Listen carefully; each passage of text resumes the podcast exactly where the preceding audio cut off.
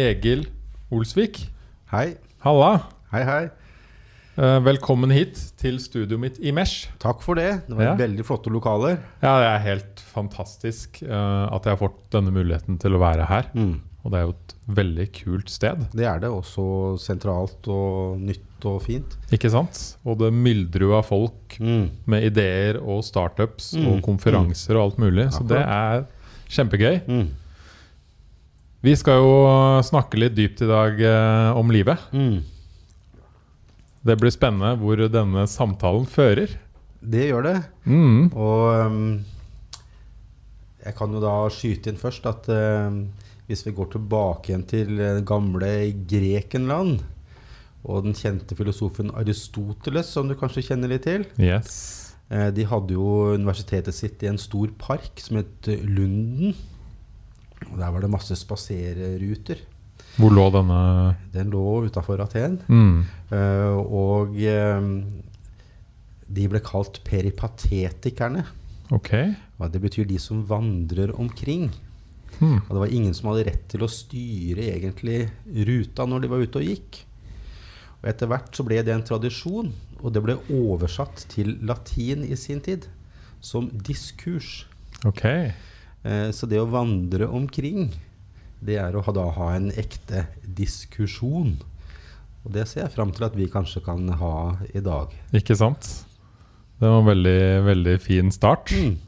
Uh, du er jo filosof. Mm. Det er spennende. Jeg har hatt én filosof eh, her før. Ok. Da skjønte jeg kanskje bare 40 av eh, samtalen. da skal jeg spørre litt, Ja, ja, litt ja. mer eh, Mm. dumme spørsmål hvis okay. jeg ikke forstår noe. Jeg skal gjøre mitt beste. Og så Dere filosofer, og for så vidt alle mennesker i dag, prøver jo å tenke litt sånn på det store spørsmålet. Mm. Hva er meningen med livet? Ja. Hvor skal man begynne? Ja, si det. Altså, det er jo et sånt spørsmål som man kan eh, bli tommere og tommere i hodet av å gå og gruble på. Eh, og man kan kanskje si det sånn at spørsmålet er litt for, litt for åpent. Yes. Eh, så jeg tror at etter hvert nå, kanskje, Henning, så kan vi prøve å trekke det litt ned. Ja. Men vi kan først starte skal vi si, på toppen av, toppen av trakta. Mm. Ikke sant? Og så går vi nedover. Det kan vi godt gjøre. Og nå kan jeg jo kanskje for eh, lytternes eh, skyld kanskje skyte inn at jeg er eh, ateist. Jeg er ikke troende, men jeg har dyp respekt for og fascinasjon for altså religion, teologi og den opplevelsen av mystikk Mm. som kan prege det å være til. Så men med det sagt så kan vi begynne liksom å kretse inn litt forskjellige måter å forholde seg til eh, liksom de øverste eller høyeste spørsmålene på. Eh, hvis vi ser til myten om syndefallet, kanskje, skal vi Mm. starte der. Det gamle testamentet det er alltid et fint utgangspunkt. Så husker vi Det at gode, gamle testamentet. ja, da, det er alltid godt å gripe til. Det er jo, det er jo fantastisk litteratur. Mm. Uh, og folk var jo ikke dummere før i tida. De hadde bare andre horisonter og andre ord. Og vi husker da at slangen gjemte seg jo i kunnskapens tre. Men Gud hadde jo et annet tre der òg. Livets tre. Mhm. Så kan jeg spørre deg, Henning, hva tror du hadde skjedd hvis Eller hva slags begrunnelse ville slangen hatt for å gjemme seg i livets tre? Og Hmm. dermed ført at menneskene, eller disse folka, skulle da ha evig, evig liv uten selverkjennelse. Hva hadde det vært for noe, tror du? Hmm. Hva det hadde vært? Ja, Hadde det vært et menneskelig liv sånn som vi opplever det? Jeg tror da ikke det. Nei? Hva Nei. hadde vært annerledes? Vi hadde jo hatt en helt annen oppfatning om hva vi skulle gjøre i livet, og hvorfor vi gjorde ting. Ja. Og nå er vi inne på noe litt spennende. ja. For det er jo en litt sånn ny uh, Skal vi si hot topic der ute om dagen. At mennesker begynner å leve lenger nå. Mm. Mm. Og at man kanskje etter hvert kan leve evig ved bruk av maskiner eller eh, Mhm. ved bruk av uh, Ja, for det første forlenge kroppens levetid, Mhm. Men så etter hvert kanskje laste opp deg selv inn i en maskin. Ja. Det, ikke, det er jo tanker som man kan åpne for, ikke som gjør at man kanskje blir perpleks. Mm. Men jeg har, ikke lyst, jeg har lyst til bare å holde litt fast i den ø, myten eh, enda, så skal vi bruke den etterpå. Fordi at eh, I og med at slangen gjemte seg nettopp i kunnskapens tre, så sa jo slangen til eh, Eva at eh, dere kommer ikke til å dø. Dere kommer til å bli som ham. Dere kommer til å Altså deres øyne vil åpnes, og dere vil kjenne godt fra vondt. Mm. Og så spiste Eva av frukten, og så så hun at de var nakne. Og så kom skammen inn i verden. For meg så er det her en fortelling om selvbevisstheten og selvbevissthetens uh, funksjon i menneskelivet. Uh, slik at uh, et, et liv uten ettertanke, et liv uten selvbevissthet og refleksjon, er ikke et menneskelig liv sånn som vi kjenner det. Og i og med den muligheten så kom også da tanken om det som ikke er, Mm. inn i, inn i livene, inn i tilværelsen. Og det som, det som ennå ikke er, og det som ikke er lenger. Altså noe utenfor Hm. Den perioden vi mener og tror og håper at vi skal ha. Og da ser vi at det da begynner det å oppnå sant, et behov for å spørre hva er hensikten, hva er meningen? Mm. Og da Ikke sant, hva skjer etter livet, f.eks.? Ja. Og da er det med tanke på det mange som knytter seg til en religion. Mhm. Um, jeg kan jo skyte inn kanskje at min kone er moderat uh, sunni-muslim. Ja. Eh, og vi har jo hatt våre litt intense hva skal vi si, diskusjoner knytta til eh, livssyn og eh, alt som har med det å gjøre. Eh, og vi har jo et veldig ulikt syn på tid, f.eks. ja. På hvilken måte da? Eh, for henne, og for kanskje andre også, som deler noe av den samme måten å være i verden på, så er jo jordlivet egentlig en forberedelse. Eh, så det å omkomme, det er jo ikke noe man frykter. Nei. Det er egentlig noe man ser litt fram til. Så hun frykter ikke døden? Nei, hun ser frem til å omkomme. Mm. Og den muligheten er jeg nok dessverre utelukka fra. Ja. ja. Du kan har- ikke være med på den Nei, og jeg har ingen forestilling heller Nei. om å skulle omkomme. Og det betyr at man får to nokså ulike innstillinger da, til eh, det å leve. Så hun tenker at hun skal til en form for uh, et annet liv. Himmelen, Ja, ikke sant? ja. Men du er ikke invitert, eller er du invitert? Jo, men det er ikke opp til henne å avgjøre det. Nei. Men du Eh. må tro på hennes religion for å være invitert? Eller Ja. tenker de at alle skal få komme inn? Ja, det er jo mitt eh, Det er jo det som kommer til å være mitt eh, altså, Dersom da den 0,01 slår til, at jeg faktisk kommer til å finne meg stående ved en perleport, eh, så må jeg tenke jeg må kunne vise til CV-en min Ja. og si se her, jeg har jo tross alt vært ganske ålreit. Mm. Jeg har jo sørga for å prøve å gjøre alle mennesker til lags. Jeg har forsøkt å holde orden i sysakene mine. Eh, så sjøl om jeg kanskje ikke nødvendigvis har delt en utsagt tro og en forestilling, så vil jeg jo mene at det må jo være da gjerningene man har utført i livet, Mm. må jo være mer betydningsfulle enn motivasjon kanskje for eh, gjerningene. Gir det henne mye glede å tro på disse tingene? Ja, men ikke bare det. fordi at man mister jo også litt eh, eh, På en måte eh, eh, Skal vi si ins, Hva skal vi si for noe? Mister litt grann råderetten over hvilken mening Mm. tilværelsen har. Hmm. Gi meg et eksempel, da. Ja, f.eks. Hvis, eh, hvis et barn dør i trafikken, f.eks. Ja, så er det ah, Hvordan skal man gå fram for å, ikke sant, for å forklare eh, at det var nødvendig? Da får jo ikke sant, de religiøse ofte et problem.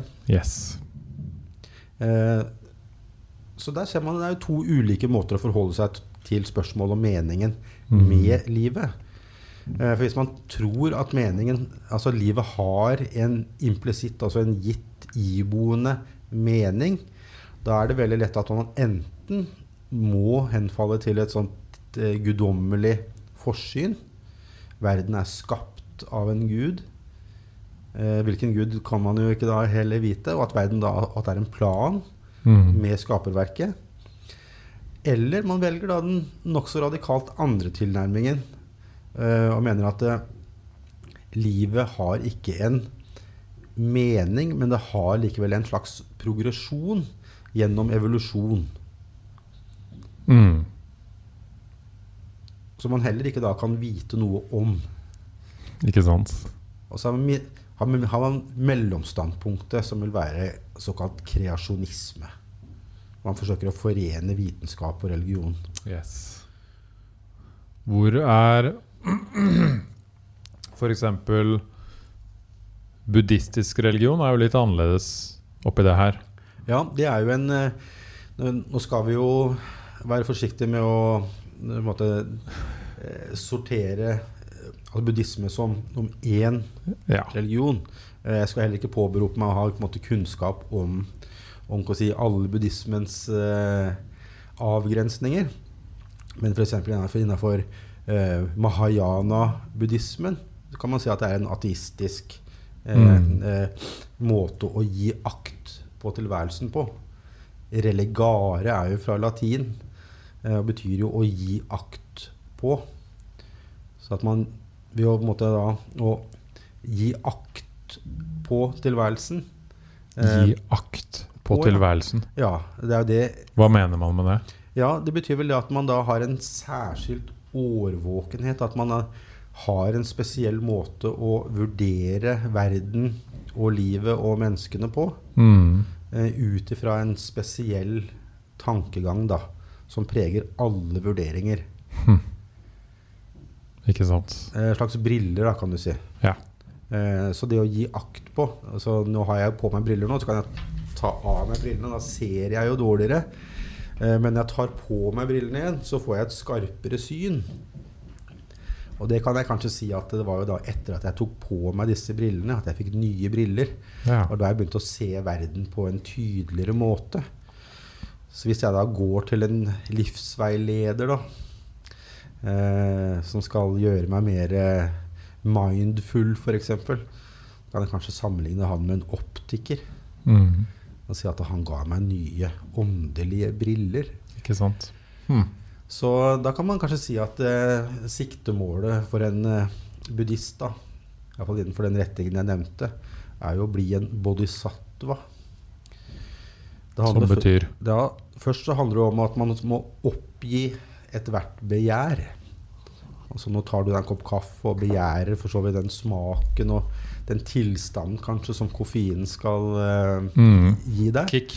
Ja, En buddhist vil jo si at det er jo et onde Ja. å oppleve uh, et sånt begjær. Så det må du gi avkall på. Ethvert begjær. Sex, alkohol, kaffe Alt, alt sånt. alt. Eh, Så, den siste, så det siste begjæret blir jo det å oppgi begjæret etter å nå innsikt Ja. og erkjennelse er- som leder mot nirvana. Wow. Så i begynnelsen så må du begjære innsikten, du må begjære meditasjonen, du må begjære håpet om å forstå verdens gåte. Men så kommer man til et visst punkt hvor det også Er et begjær. Ja, det også må oppgis. Og da skal du da fortsette helt til du kommer til den siste korsveien. Og så skal du sette deg og meditere i krysset. Så hvis det kommer en annen Det er jo ikke sikkert, men hvis det kommer en annen dit, så skal du da kunne peke og si dit og ikke dit. Og så må det være opp til den andre da, å velge. Slik at det, det å gå inn i den begjærsløse tilstanden, det kan vi nok lære mye av, tror jeg. Det er jeg helt sikker på. Ikke sant? Jeg leser jo en bok nå som heter uh, 'Å tenke som en Munch'. Eh, nettopp. Akkurat. Ja. Som har blitt veldig populær nå. Ok. Uh, av en som heter Jay Shetty, tror jeg. Mhm. Og han vokste opp i London som en moderne mann, men med indiske foreldre. Mm. Og gikk den typiske veien foreldrene hans ville han skulle gå. Okay. Ikke sant? Skole og Han sa jeg kunne enten bli lege eller liksom flypilot, for det var egentlig det de ville. ikke sant? Okay, Ja. ja. Og så var det en dag på Harvard, tror jeg han gikk på etter hvert. Uh, der var det ukentlig sånne talks Mhm. av gründere. ikke sant? Mm. Kjempekule gründere kom og snakka business. Og Mm. wow, Mm. 100 millioner, og vi får det Mm. til, og dette må til. Og så en dag var det en Munch Ja. som kom og holdt tale. Ja. Eh, og kompisen hans overbeviste jo han om å bli med og høre på Munch. Mm. Han sa jo nei, hvorfor skal jeg gidde å høre på Munch? Det er jo Mm. så mye annet kult. Ikke sant? Men han Munchen klarte jo å gi han en helt ny innsikt i livet. Akkurat. Og så bestemte han seg for ja, nå skal jeg bli Munch Mm. i noen år. Mhm. Så han gjorde det i jeg husker ikke, to, tre, fire år. Mhm. Mhm. Og, og så uh, fikk han jo da et mål av sine på en måte munkelærere etter de tre årene. De sa nå har du gått skolen her, øh, men dette er ikke ditt hjem. Mm. Du, må gå ut, du er flink til å snakke med folk. Du må gå ut i verden og Mm. spre budskapet. Akkurat. Ja. Eh, og så skrev han denne boka, Mm. som da handler mye om dette f.eks. med begjær. Ja, nettopp. Ja. hvordan man skal eh, Hvordan vi hele tiden skal ha mer. Vi skal ha ting. Vi skal hele tiden ha mat. Vi Mm. skal hele tiden ha Nettopp. påfyll av kaffe, ja. påfyll av sex, påfyll av alkohol. Ikke Mm, sant? Nettopp. Ja. Og det er en veldig interessant ting, som du sier, som jeg tror Mm. vi kan lære. da Absolutt. Og ehm, det minner meg inn på eh, en av de vanskeligste tekstene som jeg har strevd med, men, i min karriere. Ehm, og det er en tekst, et essay, som er skrevet av psykologen Sigmund Freud. Mm. Sikkert noen har hørt om. Det tror jeg. Men vi skal ikke ta det for gitt heller. Men iallfall Sigmund Freud opplevde jo eh, kriser og traumer også i sitt eget liv. Og særlig etter at datteren hans eh, eh, døde. Eh, så eh, gikk han inn i en periode av veldig tung eh, sorg. Og skrev da et essay for å prøve å behandle seg sjøl for den Hmm. sorgen. Mm. og den, den teksten het 'Hinsides lystprinsippet'. Oi. Og forklarer veldig kort hva jeg har fått ut av det. Det er egentlig en kombinasjon skal vi si, av Platons filosofi, men snudd på hodet, og en orientalsk, buddhistisk eh, tankegang som handler om si, dødens eh, funksjon Hm. i menneskelivet. Eh, og den såkalte narsissismen. Er det et begrep som gir deg noe Yes. du husker det? Narsissisme, altså den eh, spontane selvkjærligheten som vi alle har. Eh, og hvordan eh, Freud opplevde, opplevde datterens eh, død og det å overleve sitt barn som en krenkelse Mm. eh, altså fra livet. Altså en narsissistisk krenkelse. Og hvordan Freud da slet med å forsone seg med eh, altså i dødsdriften. Eh, han begynte å oppdage i seg sjøl at han også hadde en lengsel mot utslokking. Mm. Og han begynte å analysere sitt eget forhold til det å være en som skal dø, altså et, et, døende vesen. Sånn som slangen viste oss den gangen. Eh, og fant en veldig dyp og god trøst eh, i det. Hmm. På hvilken måte da, eller hva Jo, altså i 1970, 1971 så var ikke jeg uh, unnfanga. Eh, så i 1971 så eksisterte ikke Egil. Og jeg plages ikke så veldig mye av det. Nei. Jeg vet ikke hvor Plages du mye av den perioden som gikk forut før du ble født? Nei. Det er ikke noe jeg bruker mye tid på å tenke på Hvorfor ikke? Å bli plagd av. Hvorfor ikke? Uh, det, det er et godt spørsmål, men det er ikke en, en gang en, en tanke jeg eh, har hatt eller har tenkt mye over. Nei? Det var da jeg ble født. Ja. Det var da det skjedde. Ja. Og da går jeg ikke og tenker så mye over Eller det blir plagd av Kanskje jeg burde vært født ti år før, eller Nei. Så hva er det egentlig den store forskjellen mellom den perioden og den perioden som kommer etter at du har vært her? Ikke sant? Hva tror Nei, du om det det? er jo mer Da tenker man Nå er vi jo i livet. Og da tenker jeg jo for min del mer på spenningen og de tingene jeg har lyst til å vite om framtiden. Mm. Som jeg aldri vil få vite om. Mm. For nå veit jeg jo mer, siden Ja. jeg er født og lever. Ja.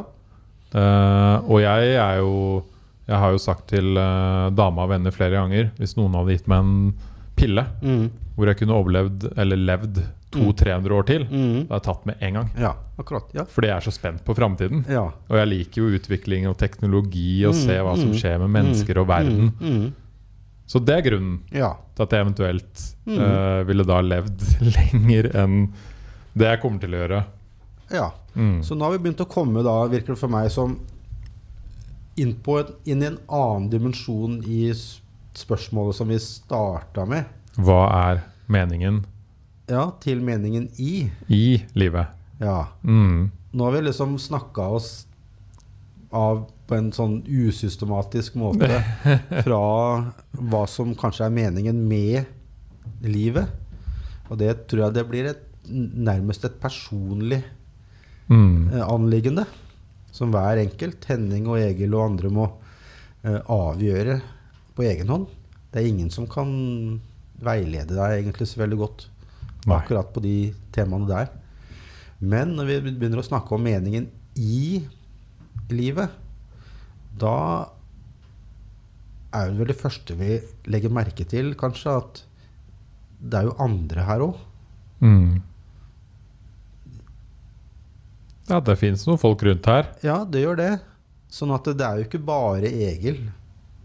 Ikke sant? Eller bare, eller bare Henning.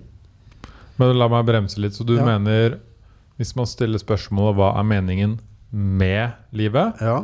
så er du på den store tuppen av trakta, alt jeg på å si. Mm. Da handler det om- noen. Da handler det ikke om meg eller deg. Da er det mer eh, det store bildet religion og disse større tankene. Mm. Uh, og når du går nedover, nedover i den trakta, så kommer du til hva er meningen i livet, Ja. som vi lever nå. Ja. I det livet vi lever nå. Ja. Og da handler det mer om meg og deg Ja. og de rundt oss. ja. Um, da kan vi jo starte oss med et sånt tankeeksperiment. Nå skal jeg bruke et litt sånt fremmed ord her. Eh, Nå kommer filosoforda ja, som vi skal snikende. forklare, forklare nå gradvis, da. Fordi at eh, det det er et ord som egentlig går tilbake igjen til, til middelalderens filosofi, fra latin. Altså eh, som kalles solipsisme. Solipsisme. Ja, solus ipse. Mm. Jeg ene er. Eh, og det handler om eh, tanken om at det er bare jeg og mine tanker som er virkelig. Eh, og da kan man jo prøve å forestille seg eh, hvordan det ville vært, som vi har sett i enkelte filmer og kanskje lest om også, og fantasere om hvordan det ville vært å være det eneste mennesket i verden. Hadde du likt det hvis du hadde våkna opp uh, i morgen, og plutselig så hadde alle de andre bare vært uh, borte? Ja, det hadde vært eh, ganske kjipt. Hadde du hatt lyst til å leve 300 år til da, tror du? Eh, 300 år til alene på jorda, det hadde vært vanskelig. Hvorfor det? Uh, fordi jeg Altså, jeg Nå har jeg hatt mange podcaster og nevnt det her mange ganger òg, Ja, ja. men det å ha relasjoner rundt seg mm. er jo noe som gjør livet verdt å leve. Ja. Og det man ser på folk som er veldig ensomme og alene, mm. er jo at de blir fortere syke, de har det mer kjipt, Mm. Uh, de lever kortere. Mm. Dette viser jo forskning, ikke sant? Ja, ja. Ehm, så det å leve 300 år her alene, det hadde vært en smule hardt og deprimerende. Ja, det hadde, det hadde kanskje det, altså. Jeg, jeg kan være så mm, åpen og si at jeg sendte faktisk en, sånn, en idé om en TV-serie, faktisk. ja, Til det der, et, et, sånt produksjonsselskap uh, her Ja. i Norge. Satt hjemme alene i koronatilstanden Få høre. og fantaserte om en professor i filosofi som gradvis i løpet av en søndag begynte å innse at alle de andre var borte. Hmm. Og så tenkte jeg vi gjennom en sånn ti episoder skulle prøve å følge han eh, gjennom, eh, altså gjennom psykisk og fysisk forfall. Inn i psykoser og ut igjen på den Wow. andre sida. Ja. Eh, I og med at han antageligvis ville eh, merge med naturen igjen på en eller annen måte og bli varulv på et vis. Mm. Jeg tenkte De første dagene ville kanskje vært veldig gøy. Gått ned på Sten og Strøm og henta det du ville, og gått på Vinmonopolet eller Jo, Jeg kan ikke gått inn i alle mulige leiligheter og sett Ja, hva jeg folk hadde gjort mye sjuke ting, Egil. Tenk deg det. Ja, ja. Så, jeg, så i den der serietanken min altså, Ja, jeg, ja. skal vi følge nå den der skikkelsen aleine nå? Mm. Og la han på en måte først møte sin egen frykt og fortvilelse, men så kanskje glede og spenning og ikke sant? Og sånn utløp for alle perversiteter på et vis. Yes. Og så et møte igjen med Tilbake til seg sjøl. Ja.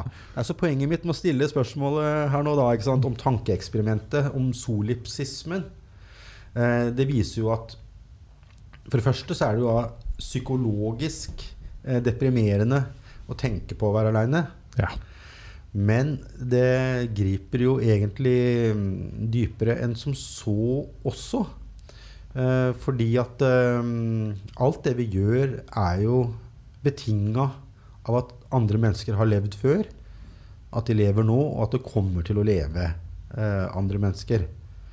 Um, slik at det ser ikke ut til at tanken om et absolutt isolert individ eh, er, er nyttig eller logisk eh, gyldig eller noen ting. Nei. Og det betyr jo det at det er jo da med, med, medværen, altså det, å, det at andre mennesker fins, det ser jo ut til å være en helt grunnleggende og såkalt irredusibel faktor Mm. eh, ved det å være et menneske i verden.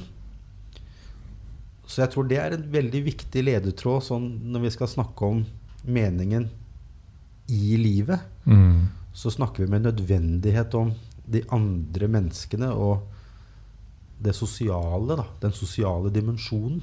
Ikke sant? Helt klart en viktig del av meningen i livet. Ja, jeg tror at Den hvis man sosiale dimensjonen. Ja, altså relasjonene våre. Ikke sant? Eh, Gro Dale er en uh, kjent norsk poet. Kjenner du til henne? Nei. Nei, hun har skrevet veldig masse flott. Uh, små, korte, tilsynelatende rare fortellinger. Bl.a. blant annet om et barn som ser en boks med leverpostei på kjøkkenbordet.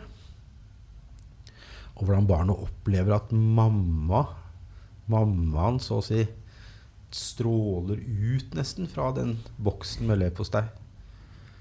Altså det at den, bare at boksen står der, er underforstått et tegn på mamma. Hm. Jeg syns det er rørende, nesten. Jeg har det samme med Jarlsberg. Har du det? Ja, ja. Ok.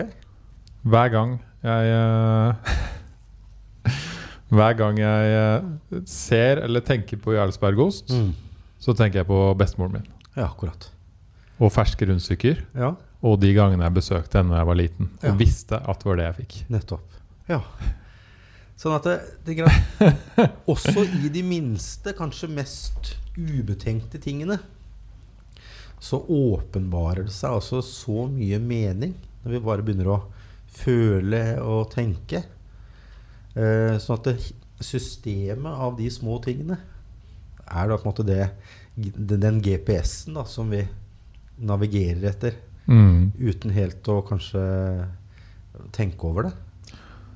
Altså det med den eh, sosiale dimensjonen Det er veldig interessant i dagens liv hvor det er veldig lett å tenke mye på seg selv. Mm. For det er jo i den moderne verden vi lever i eh, blitt ganske enkelt å på en måte bli fortapt i det å tenke så mye på seg selv. Ja. Mm. Selvutvikling, litt sånn egoistisk mye inn. Mm. Mm. Og det Ser på mitt eget familieliv, da. Altså, Sjøl om jeg er sliten til tider og syns det er mye forventninger og ikke sant, kona og barna, så er det jo deres behov og deres forventninger og mine behov og mine forventninger utgjør jo etter hvert en, en slags enhet. Det gjør det. Et urverk. Eh, slik at jeg behøver aldri å tvile på egentlig hva jeg skal gjøre, eller når jeg skal gjøre. Altså Tingene går mer eller mindre av seg sjøl i, i en litt sånn liten maskin som kan kalles familien. Uh, og det er jo veldig mye hvile i det. Mm. At jeg på en måte legger mye av si, tankene mine og planene mine ut i det systemet. Så blir de behandla og prosessert, så å si. Ikke sant? Og omdanna til en felles uh, erfaring. Mm. Um, så Jo nærere vi står et annet menneske, jo nærere er jo også ikke sant, sammenknytningen mellom ønsker og drømmer og ambisjoner. Så jo nærere et annet menneske står meg, jo sterkere blir jo det mennesket påvirka av mine, mine valg. Mm. Absolutt.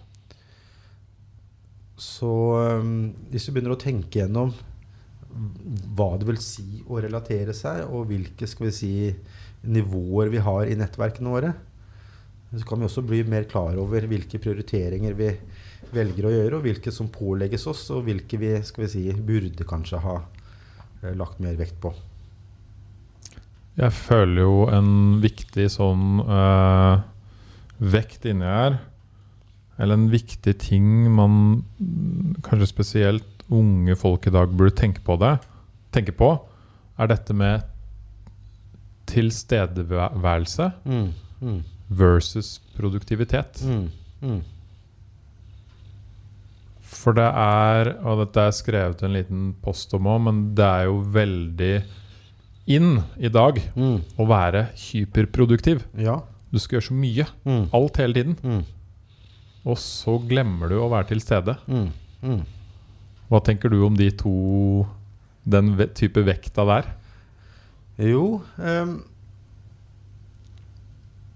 Det å være på en måte i en slags sånn flyterfaring Det kan jo sammenlignes kanskje med det å ikke være til stede, som du sier, men det er på et annet nivå. Mm. Så det kan vi komme tilbake igjen ganske snart. Men det er klart um, Jeg kan jo ta fram en litt sånn ikke-vestlig måte å tenke på Uh, disse tingene på. Ja, gjerne. Uh, noe som uh, skriver seg fra Okinawa, Ja. Et- Japan. Japan. Et eldre system for livskunst som kalles ikigai. Ikigai. Ja. Mm. Eh, det kan enkelt oversettes til grunner til å stå opp om morgenen. Det er herlig. Så du ser jo sant, hvordan man f.eks. Eh, eh, steller bonsai-trær, f.eks. Jeg er jo sjøl styreleder i en karateklubb. Så jeg har jo litt, eh, også litt eh, interesse, delvis også for den japanske eh, tradisjonen og kulturen. Og den respekten og æren og nøysomheten og disiplinen og alt som ligger i det. Uh, og i den anledningen så overvar jeg en japansk teseremoni for ikke så lenge siden. Uh, og da betrakta vi da en person som skulle skjenke seg en kopp te. uh, og som brukte ca. 30 minutter på å skjenke te. Da hadde jeg enda ikke smakt på teen. Veldig fascinerende. Mm. Eh, og det handler om å la seg oppsluke av en ritualisert prosess. Kan Så- si nesten som når folk går på yoga, da. Ja, og det skal følge et bestemt mønster mm. som skal følges da helt absolutt nøye. Men med en slags eh, si eh, En type bevissthet som ikke nødvendigvis er reflekterende, og det kan være vanskelig å forstå. Men hvis vi ser til Ikigai, så kan vi tegne fire sirkler på, på et ark som griper inn i hverandre. Den øverste sirkelen den heter 'Hva jeg elsker'. Ikke sant? Ja. Nå håper jeg alle tar fram, Ta fram penn og papir penn og papir. Og sirkelen da ute til høyre, den heter 'Hva forventes'. Jeg skal gripe da inn i sirkelen på sida der. Sånn, ja. Hva forventes? Forventes. Nede så heter sirkelen eh, Det heter da 'Hva jeg tjener'. Skal de gå helt inn i hverandre? Ja. Det skal være en i midten, ikke sant? Ja, skal være en i midten, ja. Og det heter Eh, 'Hva jeg tjener', altså lønn. Sånn, ja. tjener. Og så en på toppen her. Eh, Du så- må tegne her, Egil. Ja, Du ja. så, nå, nå kom virkelig mine Nei, barneskole-tegneskills inn. Vi starter sånn. Ok. Egil tegner Sånn. Og sånn. Da får vi fire sirkler. Og så har vi et Det det er det lille feltet i midten der. Det er det vi er interessert i etterpå. Ikke sant? Så på toppen her så snakker vi om hva er det jeg elsker? Yes. Hva er det som forventes av meg? Her. Og så er det hva er det jeg tjener? Altså lønna mi, rett og slett. Mm. Og så er det hva er det jeg kan? Altså kompetansene mine. Og så får vi alle disse får vi noen sånne små felter her. Ja, de som går inn i hverandre. Og Ja. sirklene går inn i hverandre. Så hele poenget da med ikigai, dette, dette systemet, det handler om at du må oppnå en perfekt balanse mellom alle disse fire dimensjonene. Så vi kan velge å betrakte den figuren som en sommerfugl. En Mm. skjør, liten tingest som svever rundt i verden. Og den må være i perfekt balanse for å klare eh, å holde seg i lufta.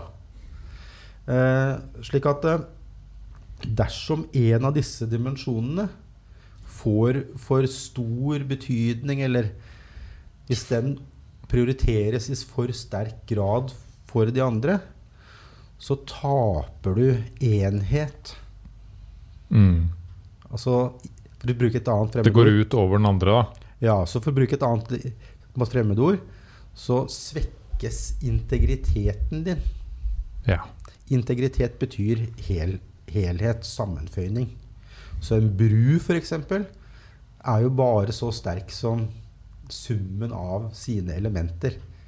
Hvis ett element i brua svikter, så svikter hele reisverket. Mm. Da kan du ikke kjøre tog over der. Så hvis ett av elementene dine her svekkes, så svekkes integriteten i hele, i, i hele skal vi si, tilværelsen din. Jeg skal, folk kan jo også google Ikigai. Det kan de. og Det Men- TED Talks og alt mulig. Her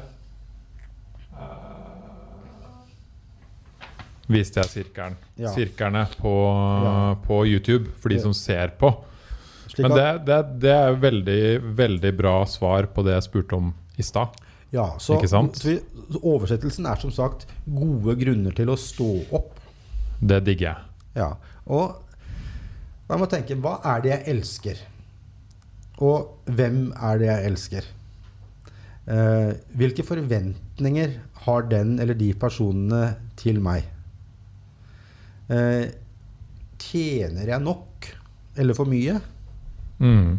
til å realisere de forventningene? Eh, og realiserer jeg de forventningene på grunnlag av noe jeg virkelig kan? Eller føler jeg at jeg gjør noe jeg ikke kan? Ikke sant? Så ser Når man begynner å snakke seg rundt på den måten, så ser man at alle disse spørsmålene griper med nødvendighet inn i hverandre. Mm. Og så er Elsker forventes det man kan, Ja, og det man tjener. Ja. Så da vil det være sånn at eh, hvis jeg, hvis jeg bare gjør det jeg, det jeg elsker, så vil jeg oppnå en type tilfredshet, men også en følelse av tomhet. En følelse av formålsløshet. Hvis jeg bare gjør det som forventes av meg, eh, så vil jeg oppnå en type ære og kanskje en type anerkjennelse. Eh, Men jeg vil føle meg følelsesmessig eh, flat. Og det er jo typisk Jeg vil si at den er jo veldig typisk at mange føler. Ja, du, plikten Plikten. tilsier at Du går på en jobb som du kanskje ikke liker, mm, men du er veldig flink. mm, Det forventes mye av deg, og du leverer, mm. men du elsker det ikke. Nei. Eh, Du tjener kanskje mye. Mm, Så de to sirklene blir liksom sånn mm, litt på overvekten. ja. Men så merker du at du mister dette, de to andre. da Ja. Det du elsker, og det du egentlig kan. ja. Uh, og For å spole litt sånn fram i Ikigai-kurset, da kan vi si at vi alle kan starte med å meditere over situasjoner og opplevelser som gir oss fryd. Hva det måtte være.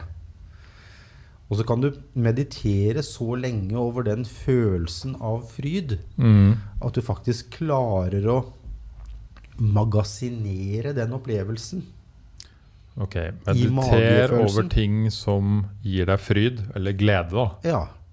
Sette av kanskje 10 minutter, 15 minutter hver dag eh, til å meditere over det frydefulle.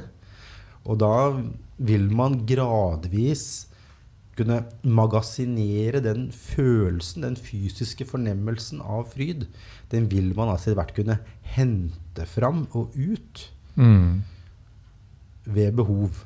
Så du vil magasinere er jo et uh, morsomt ord, men du vil ved å meditere på ting som gir deg glede og Mhm. fryd, Mm. så vil du lære deg den følelsen hvor den finnes i kroppen din og hodet ditt, Mm.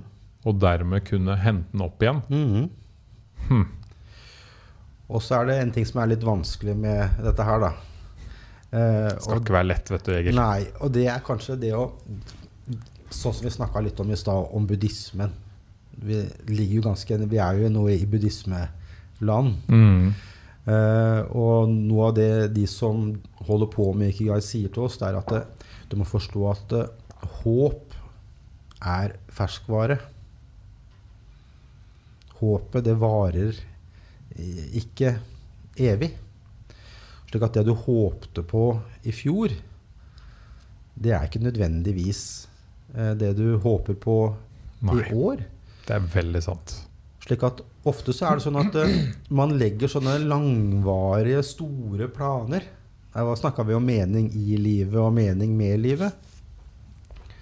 Og hvis måte, håpet knytter seg til overordna, men utenkte tanker og mening, enten mening i livet, sånn som vi snakka om i stad, eller enda høyere opp, mening med livet Hvis jeg på en måte knytter livshåpet mitt til bare delvis tenkte tanker,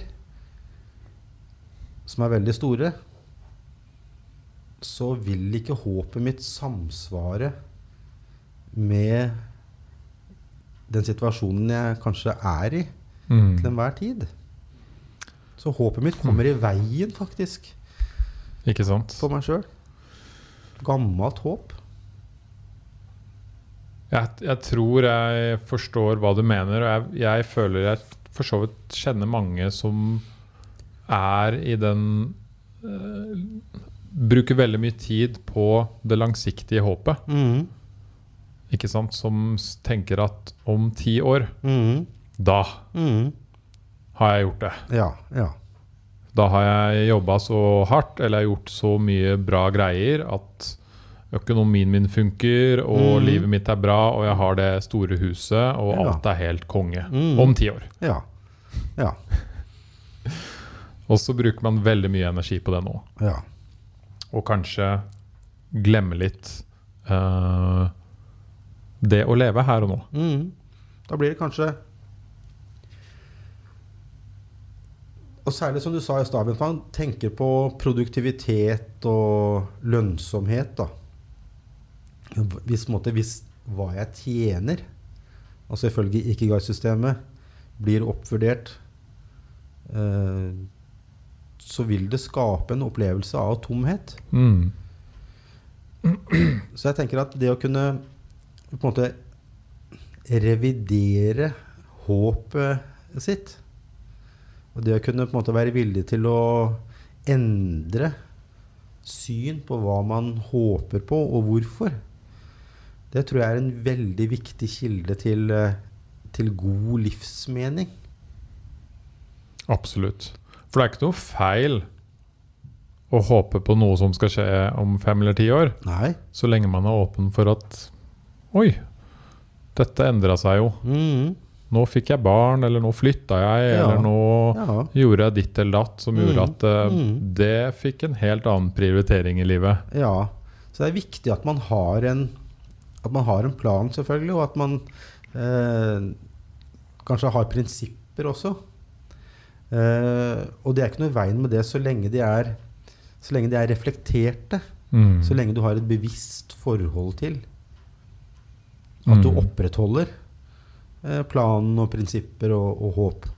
Men dersom eldre forestillinger, tanker du hadde, eller kanskje enda verre Hvis andre menneskers håp og forestillinger får lov til å dominere livet ditt uten at du tenker på det, da er du dømt til å bli trist. Yes. Og det er interessant i med tanke på den selvutviklingstrenden som pågår nå. Dette har jeg og min kjære snakka mye om sammen. skjønner du. Eh, man, man leser jo masse bøker om hvordan man skal leve, Ja. og blir veldig påvirka av å høre på disse superamerikanske Mm, mm, dødskule folka sant, Ja, som har klart det. mm. ja. Og etter hvert så lever man jo egentlig ikke sitt eget liv, men man lever på en måte noen andre sin, Mm, mm. sin oppskrift til Mm. hvordan de har klart å leve livet. Ja. ja. Og det, det er jo på en måte- en måte absurd. Mm. Eh, og det eh, Igjen så vil jeg heller gripe tilbake igjen til eh, si, antikkens greske filosofi. Eh, jeg syns at eh, man vi har, ikke kommet så veldig mye lenger. Nei. Eh, Er det stoisme og sånn, eller? ja, det kan vi godt tenkte å komme inn på nå snart. Jeg Ja. tenkte først jeg ville heller ta opp et litt mer sånn generelt begrep eh, som handler om autofili. Ok. Vi har jo hørt om andre typer eh, fili. Ja. Da har vi jo heterofili, f.eks. Autofili. Autofili, ja. Eh, Det er, Forklar, Egil. Ja, det er eh, en, en litt sånn uselvisk selvkjærlighet. Altså Man er heterofil, det vet vi alle. ikke sant? Det handler om at man i hvert fall har en sånn utgangspunktet føler kjærlighet og tiltrekning. ikke sant? Eh, sånn som den vestlige kulturen i nåtida eh, forteller oss at vi skal. Mm. Og så finnes det andre typer fili som ikke er like anerkjent, men som likevel er sant, mulige og tilgjengelige som på en måte begjærsformer. Absolutt. Eh, og så har vi da altså auto, autofili. Ok. Eh, og denne, det er en uselvisk eh, selvkjærlighet. Be- be- Beskriv det. Det handler egentlig om å prøve å bli og forbli Mm. sin egen bestevenn. Hm. Å bli og forbli sin egen bestevenn. Ja. Det går an. Det går an, ja. Eh, I og med selvbevisstheten så har vi muligheten til å føre en indre dialog. Jeg vet ikke om du snakker mye med deg sjøl. Men det, det gjør e- egentlig jeg. Jeg er en person som eh, kanskje er en litt sånn praktiserende autofil. det høres kanskje rart ut, men eh, jeg, jeg er faktisk det. Ja. Eh, eh, Hvordan funker det i det daglige livet? Det betyr at eh, jeg tenker at jeg, av og til så er jeg glad for at de beste, altså vanlige vennene mine er ærlige mot meg. Ja. Og de beste vennene mine de tåler jeg ganske mye fra. Jeg kan, jeg kan være Samme ganske her. tøff i tonen til og med overfor uh, de nærmeste vennene mine. Ikke sant? Mm. Så det betyr at Egil får også lov til å være ganske tøff i trynet eh, mot Egil. Det, ja. Han, får lov til det. han får lov til det. Mm. Egil kan Snakker du, eller snakker du i hodet? Ja, jeg snakker i hodet Ja. og føler og tenker. Jeg Mm. trenger ikke nødvendigvis å bruke ord. Det, sånn er det vel vi alle. Vi, vi tenker jo på oss sjøl.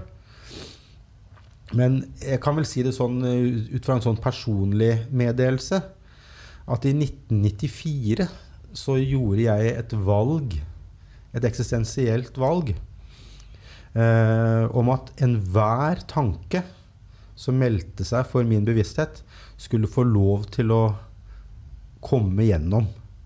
Eh, altså inn i selvet mitt. Mm. Uansett hvor avskyelig eller frastøtende eller hva det måtte være.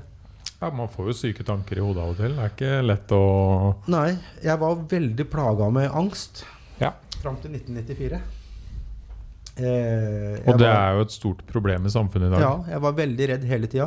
Mm. Eh, suicidal til tider og var veldig egentlig plaga. Eh, og jeg bestemte meg for at enhver tanke som vil eh, uttrykkes Altså det ubevisste må få tale. Eh, så etter at jeg bestemte meg for det, så blir jeg egentlig eh, autofil. Hm. Eh, For da ble jeg anerkjennende overfor mitt eget indre liv. Og jeg aksepterte at jeg er ikke nødvendigvis herre i eget hus. Jeg deler dette huset med en annen stemme. Nå høres jeg kanskje schizofren ut. Nei, nei, nei. nei. eh, sånn. Bring it on. Ikke sant?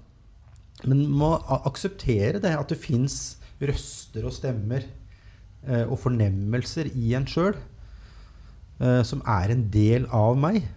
Det er en del av min måte å være i verden på.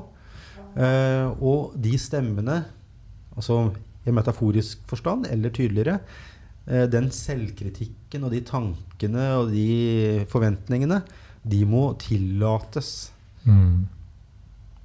De må kunne eh, integreres i ens eget selv. Hvordan hjalp det deg?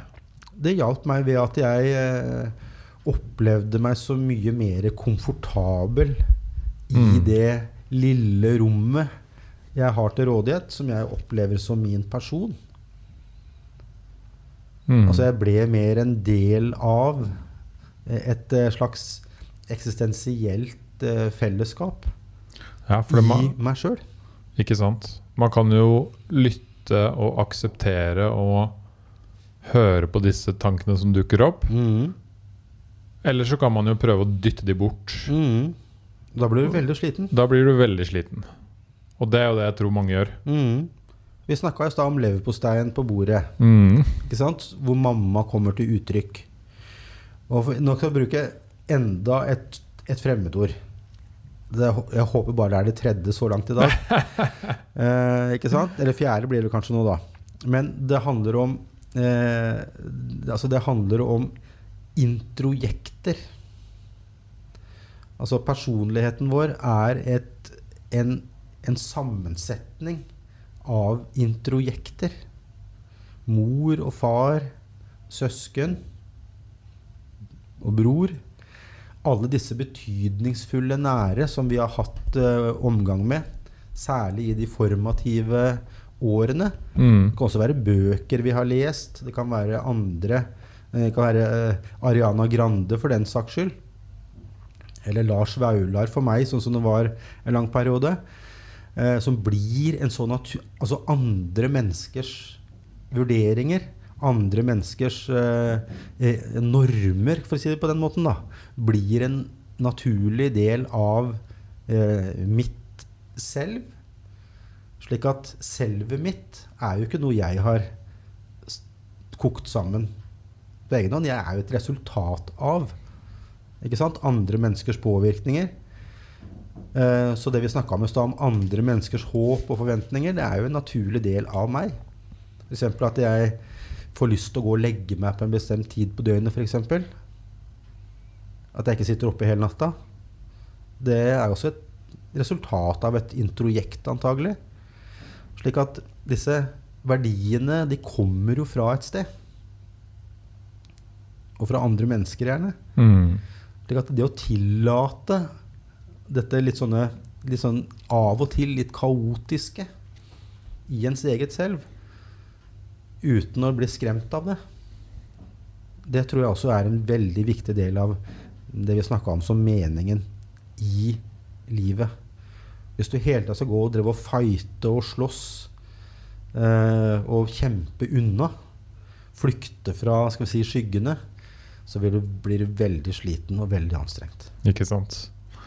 Det er veldig Jeg hadde jo en som het Marius her, som overlevde halloween-drapet i Mm. 2011. Akkurat. Ja, det, saken husker jeg fra mediene. Ikke sant? Og øh, Jeg skal ikke bruke lang tid på det, men øh, ikke sant? Han var ute med to venner. Kvelden endte med at han ene ble drept. Mhm. Han andre ble morder Mhm. og psykotisk. Ja. Og Marius overlevde 20 knivstikk. Ja. Og våkna etter 13 dager. Og han hadde fått 20 øh, knivstikk. Mm. Og våkna da og skjønte ingenting, men Mm. begynte å huske. Mm. Og han sa jo det, han hadde jo så mange forskjellige lag med Mm. traumer Ja. ja. som han måtte jobbe på i Mm. mange år. Mm. Det han sa da, psykologen sa du har to valg. Mm. Du kan enten prøve å dytte alt bort. Mm. Det anbefaler vi ikke. Nei. Det kommer sannsynligvis ikke til å funke. Eller så må vi brette opp arma og jobbe med det. Bearbeide det. Ja. Og det klarte han jo. Ja. I dag er han glad, han har Mm. barn, han har familie. Ja. Altså ja. Det er lenge siden jeg har sett en kar som smiler så mye. ikke sant? Mm. Uh, og det er jo når man drar det helt ut til liksom, hva, er det, hva er det verste og kjipeste som kan skje? Mm. Og han beviser jo ved å jobbe med det, så kan det gå bra med livet igjen. Det kan det absolutt. Yes. Og som du sa òg, du hadde jo dine utfordringer. Mm. Istedenfor å prøve å dytte bort disse tankene Mm. og den stemmen Ja. og ja. det litt fæle eller litt triste Mm. eller onde, Mm. så må man begynne å jobbe med det. Ja, ikke nødvendigvis. lytte til det. Den- Ja, ja, det tror jeg faktisk er bedre. Altså, Det å Mm. begynne å jobbe med det tror jeg kan være mm, eh, altså, lettere sagt enn gjort. Ikke sant? Men hvis, om vi forstår å jobbe med det som det å kanskje bli mer tålende, Mm. lære seg å bli mer aksepterende for det som kan virke uønska eller endog truende i ens eget uh, selv, da tror jeg man er på, på rett vei. Men Egil, disse tankene syns jeg er så interessante. Hvor er det de liksom kommer fra? De der uønska, kanskje rare tankene som Hvorfor får vi de inn i huet? Ja eh, Du sier jo det er nesten en annen type stemme. Ja. Eh, som eh, Skal vi si um, eh, jeg, har jo, jeg har brukt veldig mye tid på å lese eh, forskjellige, forskjellige forfattere, forskjellige filosofer. Eh, og når det gjelder den eh, si, Den forfatteren som har gitt meg mest eh, si, forståelse når det gjelder akkurat det spørsmålet der, så må vi tilbake igjen til, til Sigmund Freud. Kanskje den mest misforståtte og kanskje Skal vi si eh, eh, egentlig, av filosofene i nyere tid. Mm. Uh, psykoanalyse er jo ikke lenger noe sånn veldig populært uh, uh, tema, og jeg slutta jo sjøl halvveis i psykologistudiet i sin tid. Eh, men jeg tenker at Sigmund Freud var jo en, um, var jo en filosof, en eksistensialist. Mm. Eh, og eh, hans på en måte invitasjoner til å samtale både med andre og seg sjøl om disse temaene eh, er noe man kan velge å ta imot. Eh, F.eks. som jeg sa i stad, spørsmålet om denne dødslengselen. Om urnevrosene. Eh, om det ubevisste og det førebevisste. Og dette ustrukturerte eh, som vi har i oss. Og som vi kanskje legger merke til når vi drømmer om natta også. Av og til kan man ha litt vanskelige, utfordrende drømmer, ikke sant? Eh, og da kan man tenke seg at man får betrakte det ubevisste, så å si, eh, i sin egen rett. Mm. Eh, og her finnes det altså da en, en dimensjon i det mentale eh, som er mer eller mindre uavhengig av det disiplinerte selve. Og Freud begynte etter hvert å kalle det for id, altså det som bare er. Og da går vi tilbake igjen, og så vi kan hente inn andre som Nietzsche, Schopenhauer, en del andre interessante kilder da, for, eh, for Freuds forfatterskap også. Så man øh, Man har mennesket, og så har man det disiplinerte, som du kalte det. Mm. Som kan sikkert Skal jeg prøve å beskrive det? Som øh, er de tankene sånn som når vi sitter og snakker nå, Mm. og liksom er øh, Vi styrer litt hva vi skal snakke og si Mm. om, og liksom Mm. er litt Mm. disiplinerte. Mm. Men det dukker jo samtidig opp andre udisiplinerte eh, tanker som Ja. kommer bare fra sidelinja, som sånn Oi! Ja, nå tenkte jeg plutselig på det. Ja, og ofte er det uakseptable Mm. eh, drifter. Uakseptable kanskje impulser. Eh, som også er eh, kanskje barnlige også i sitt vesen. Altså et behov for umiddelbar tilfredsstillelse. Mm. Ikke sant? Gratifikasjon. Ehm, og det her er jo noe som vedvarer i tilværelsen. Noen er mer prega av det enn andre. Eh, og det har jo, også selvfølgelig utviklingspsykologiske forklaringer til det. Og så er man ulike personlighetstyper, selvfølgelig. Mm. Uh, ulike måter å være på. Det er morsomt. Uh, jeg tror filmen heter 'The Invention of Lying'. Ja, Har du sett ja, den? det har jeg sett, ja. ja. Der hvor det er en verden hvor folk ikke kan ljuge. Mhm. Og det blir litt sånn om man hele tiden sier de tankene som kommer fra sidelinja. ja. For der er det jo Burde folk sjekke ut. uh, og da, det er jo alle mulige situasjoner. ikke sant? Mhm, Du er mhm. på en date, Mhm. og så sier du alt det du tenker. ja. Og mange morsomme situasjoner. ikke sant? ja. Hvor dama sitter bare og sier 'Nei, jeg har ikke egentlig lyst til å møte deg i dag. Eh, jeg har dårlig tid. Jeg Mhm. rakk ikke å pynte meg så mye. Jeg egentlig sto i dusjen akkurat. Mhm. Og kanskje vi har sex i kveld hvis Ja. du skjenker meg godt nok, Ja. men det får vi se på. Ja, ikke sant? ja, Den er fin, den filmen. den er det. Uh, og den uh, viser jo også ikke sant, hvordan, hvor absurd det kan bli når eh, Når på en måte alt blir skal si, eh, rått, for å si det på den måten. Når det er litt udisiplinert. Mm. Ikke Eh, noe filter. Nei, vi må jo ha det. Ja. Eh, og så er det noen som Altså noen, selvfølgelig ulike personlighetstyper og grader av, ikke sant? Grader og varianter. Mm. Eh, og så ser vi gjerne at folk har en tendens til å søke seg inn mot både utdanninger, inn mot sosiale grupper eh, og livs, skal vi si, som til en viss grad samsvarer med de personlighetstypene eh, som de har, og som de har utvikla. Og så føler man seg komfortabel gjerne i grupper av delvis likesinnede mennesker. Eh, og da får man gjerne en tendens til å oppvurdere sin egen gruppe, og så vil man helst ikke ha så mye med de andre å gjøre. Mm. Da danner seg jo grupper og subgrupper Uh, som er delvis forklarlig ut fra personlighetstype. Ikke sant. Og interesser og Ja. Mm. ja. Nei, det er veldig interessant og deilig å tenke på. Og spesielt dette, jeg tror veldig mange lar den indre, kanskje litt negative, rå stemmen Istedenfor å lytte på den og tenke på den og akseptere den, så lar de den ta for mye kontroll. ja. Og heller havner i en negativ spiral.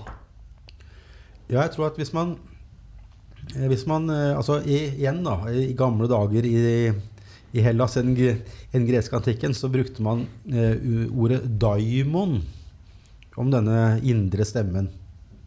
Og det ligner jo litt på det vi, et annet ord som vi kaller demon. Det er jo ikke helt det samme. Nei. Men daimon var også en stemme man kunne la seg rettlede av. Mm. Eh, så for å gå litt til, altså tilbake til dette begrepet om autofili, som var den utløsende faktoren for denne eh, si, assosiative beskrivelsen som vi har vært i nå, eh, så handler det om at eh, eh, det å være sin egen beste venn eh, betyr jo at man tolererer og er åpen for også en indre kritikk som ikke alltid er ønska eller velkommen. Mm.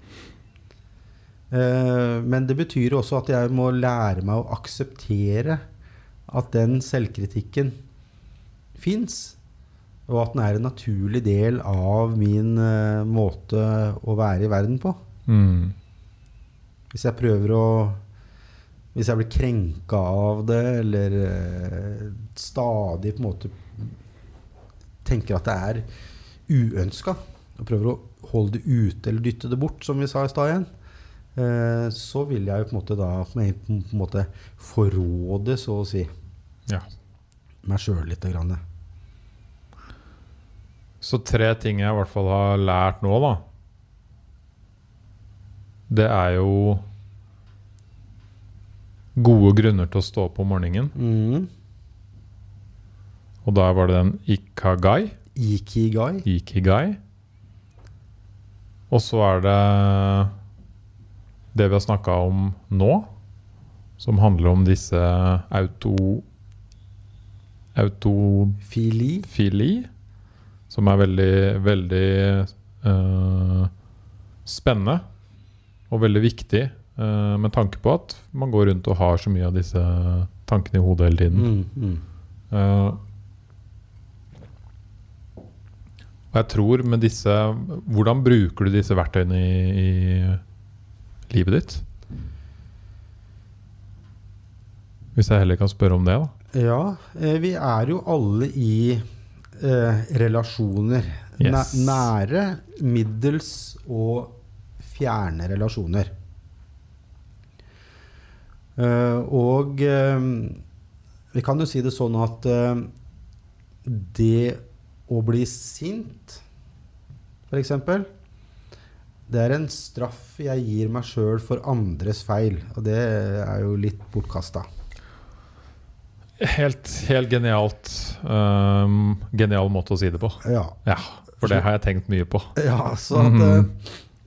Jeg tar meg sjøl i det ofte at eh, Kan du ikke heller nå bare trekke pusten? Og så vurderer du hva slags reaksjon er på en måte nødvendig nå. For eksempel så ble jeg utsatt for eh, tuting og blinking og en kar som stoppa meg faktisk fordi at jeg ikke hadde overholdt høyreregelen godt nok. eh, på vei kjørte ut hjemmefra Mm. ikke så lenge siden. Og det var, jeg var visst en person som kjente meg igjen fra veldig mange år siden, men jeg kjente ikke igjen han. Så han begynte å kjefte meg nesten huden full. Jeg hadde en tolv år gammel jente ved siden av meg i bilen. Eh, så sa jeg, men du, sa jeg, hva er grunnen til at du overreagerer eh, nå? Mm. Det skjedde jo ingenting. Jeg, jeg økte jo farta bitte litt fordi jeg vurderte det sånn at du var langt nok ifra til at jeg kunne smette over krysset før det i det hele tatt skjedde. Og det, det var jo ingen andre her. Og da ble han veldig sur, da. Og smatt av gårde i den store Audien sin. Og der ble jeg sittende igjen med litt sånn følelse av hm, altså, Hva var det egentlig han fikk ut av den situasjonen? Yes. Hvorfor var han nødt for å sette seg sjøl i en så nedrig og vanskelig situasjon pga. noe som egentlig ikke betydde noe? Hva slags funksjon skulle det ha, det ha i hans eh, dagsplan? Tenkte jeg etterpå. Mm. Hadde han satt seg ned ved frokostbordet og tenkt Vet du hva, nå skal jeg finne noe å ergre meg uh, over. Kanskje i trafikken til og med, på vei ned til byen. Og så skal jeg agere på det. Mm. Sette meg liksom i dominans, eller hva skal jeg gjøre? Slik at eh, ved å på en måte la da disse indre skal vi si, stemmene råde, ved å erkjenne at jeg er ikke herre over alle mine eh, erfaringer, eh, så blir jeg mer spørrende, litt mer analyserende. Og for å si det rett ut kanskje, I de situasjonene. ja, Ja. og for å si det på, eh, rett ut, så blir jeg kanskje litt mer, litt mer kynisk Mm. på én måte. Rett og slett fordi at jeg bryr meg rett og slett ikke så mye om at andre reagerer på den måten der. Du hever deg over det, på en måte? Eller du hever du, ja, det har ikke noe med meg å gjøre. Nei. Altså Det er meg uvedkommende, rett og slett. Men det krever jo litt øving. Sannsynligvis. Ja, det gjør kanskje det. Men det er meg uvedkommende Mm. at en person velger å reagere på den måten. Jeg har ikke behov for å gå inn i en sånn reaksjon. Jeg tenker at dersom jeg lar meg bli sint, så lar jeg noen andre dominere meg. Altså da, da er jeg på en måte blitt ufri i forhold til den andres eh, ambisjoner. Og da har jeg på en måte tapt min egen integritet. Og Mm. min egen råderett, da, min egen frihet. Så at jeg, ved å, ved å på en måte la meg være mindre affisert og litt mindre si, påvirkelig, så har jeg skapt meg en, si, en atmosfære som jeg lever i, uh, som er mer prega av mine egne preferanser. Ja. Fordi jeg bryr meg egentlig ikke så veldig mye om hva dere andre egentlig holder på med. Nei. Men her, i min, i min nære krets, så, er, det, så skal det være hyggelig. Her skal det være åpent og velkomment. Eh, og det er viktig for meg at innenfor den sonen som jeg råder over, til en viss grad, der er det åpent, demokratisk, og det er liberalt. Mm. Så, men det er noe annet hvis kona di er sinna, da? Kanskje? Ja, det er det jo. Det er det en Eh, litt annen sak enn en syklist eller en bil eller en, noen som skriker på gata eller er sinna i køen på Rema 1000. Ja, altså det påvirker jo meg i sterkere grad, Mm. selvfølgelig, jo nærere en person er meg. Og eh, hun har jo gode grunner til å være sint på meg ofte, ikke sant? Eh, for jeg også er jo en, si, en, en dust, ikke sant, på mange vis. Uh, jeg er av og til egoistisk, jeg er av og til ubetenksom, uh, osv. Uh, men det er noe sånn eh, sånn jeg er. Mm. Og man må jo hele tida forsøke å være årvåken og bevisst på hvilke skal vi si eh, uvaner og skal vi si andre eh, kanskje usosiale tendenser man måtte ha. Og hele tida forsøke da å endre litt på de tingene som kan få et samspill og en relasjon til å fungere så godt som mulig. Mm. Og det gjelder også være åpen for at den andres kritikk er ofte og som regel berettiga. Det kan være krenkende og kan være sårende og vanskelig å ta imot ektefølt kritikk. Mm. Men eh, den smerten må man også tåle å ta inn og kunne vurdere når det er altså berettigelse i det. Og ofte så er det jo det. Ikke sant. Og det er jo ikke nødvendigvis at man har bevisst ment noe med grunnen til at partneren din ble sur på deg. Nei. Ofte. Nei. Så er ikke det noe du bevisst har gjort. Nei. Kanskje heller uh, underbevisst, eller noe du bare rett og slett ikke har tenkt på. Ja. Og jeg tror at etter hvert som man kanskje da blir bedre, bedre kjent, og relasjonen så å si blir nærere, så tror jeg det skjer noe litt sånn spesielt. For da tror jeg at det disiplinerte i atferden etter hvert begynner å svekkes lite grann. Mm. I begynnelsen så er man kanskje opptatt av manerer og spise pent og Ikke sant? Jeg skjønner hva jeg mener? Men På, Yes. første, altså, på, liksom på første besøk hos, eh, hos svigers, da er du veldig selvbevisst, ikke sant? Da er ikke beina på bordet og Nei. Men etter hvert gå i kjøleskapet og ta seg en kald pils. Nei, så et, et, etter hvert når man begynner å bli mer fortrolig, begynner å bli mer komfortabel, så kanskje det så vil, vil kanskje den disiplinerte strukturen i Mm. atferden og væremåten etter hvert begynne å svekkes litt, for så man slapper så mye av. Og da begynner jo en del av det udisiplinerte som vi snakka litt om i stad, kanskje får få lov til å begynne å dominere den hverdagslige væremåten Mm. litt grann mer. Mm. Og da kommer kanskje disse litt mer irriterende eh, trekkene fram, da. Og de kan man få kritikk på. Ja, Og det må man være åpen for. absolutt. Det er bare sunt. Ja, det er bare sunt. Ikke sant? Men nei, du skulle kanskje ikke slengt borda, beina på bordet rett før vi Under middagen Ikke sant? hos svigers. Ja. Nei, det er sant. Jeg tenkte faktisk heller ikke på det når jeg gjorde det. Nei, ikke sant? Nei, så sånn at kan vi disiplinere hverandre litt. Grann. Og sånn er jo da ikke sant, det å eh, øve seg i å være mer sosial. Det å ha manerer. Det er også en måte å skape mening på. Mm. Forutsigelighet i de sosiale relasjonene. Det setter vi jo stor pris på. Jeg eh, vet ikke om du eh, Du bare snakker, Egil. Jeg skal Ja. ta på meg jakka. Ja. Litt kjølig her. ja. For et par år siden så fikk jeg jo kjøpt meg en sånn bok, eh, 'Skikk og bruk'. Ok. Kjenner du til de? Ja, alle dannede hjem på 60-tallet hadde vi en sånn stor bok som heter uh, 'Skikk og bruk'. Ja. Den er veldig artig å lese. Uh, der står det f.eks. om uh, hvilke forventninger kan man ha til suppespisere. Hmm. Og det er sånt som vi i dag ikke sant, nesten flirer litt over. Men det betyr altså da hvordan skal man te seg når man spiser suppe.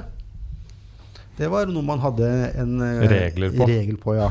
Og de fleste eh, som er fra dannede hjem, de vet jo kanskje hvordan de bruker en skje. ikke sant? Det skal jo ikke føres Det skal jo føres inn sidelengs, og man skal jo vippe. Mm. Ikke sant? Det skal jo være en ganske fin bevegelse i, i skje, ikke sant? Bruken av skjeen skal jo ikke inn sånn. Skal ikke sluke, Nei, og og skal jo ikke løftes.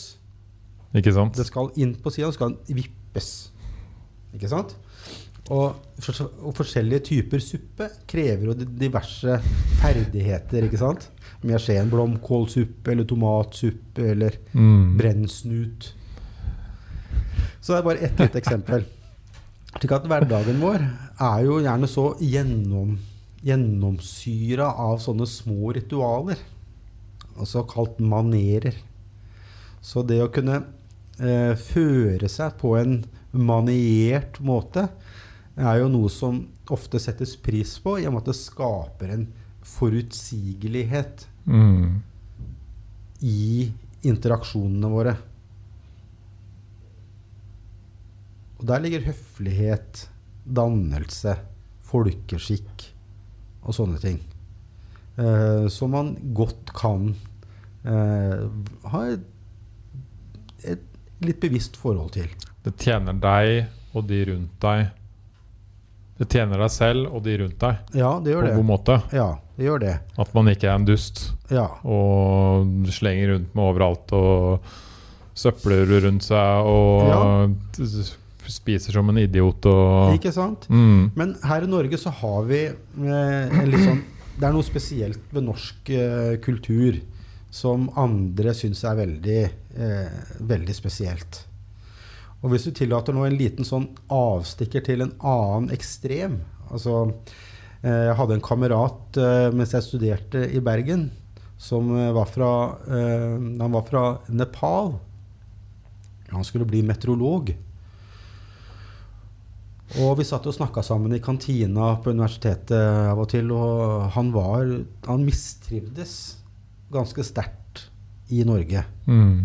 Og han kunne ikke forstå hvordan vi klarte å organisere et samfunn her i det hele tatt.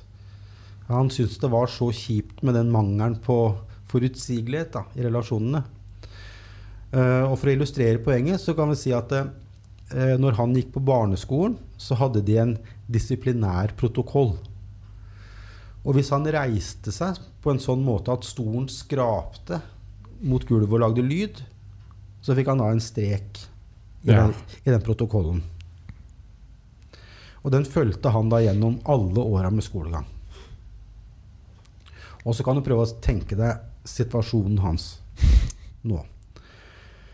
Hvis du søker på en alminnelig grei jobb her i Norge, så kan du i verste fall kanskje tenke deg at det er en 40-50 eh, søkere. Mm. Kan du tenke deg at det er Asia?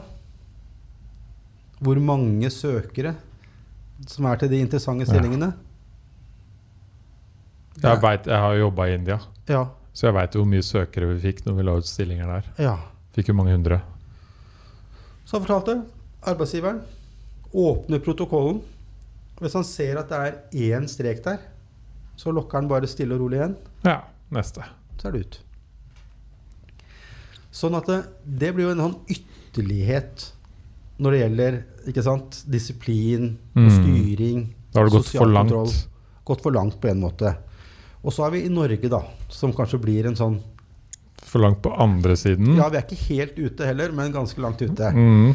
Eh, slik at eh, i og med at vi er en nasjon av småkårsfolk Alle vi i Norge er jo egentlig bare nå fire generasjoner fra å være småbønder og fiskere. Mm.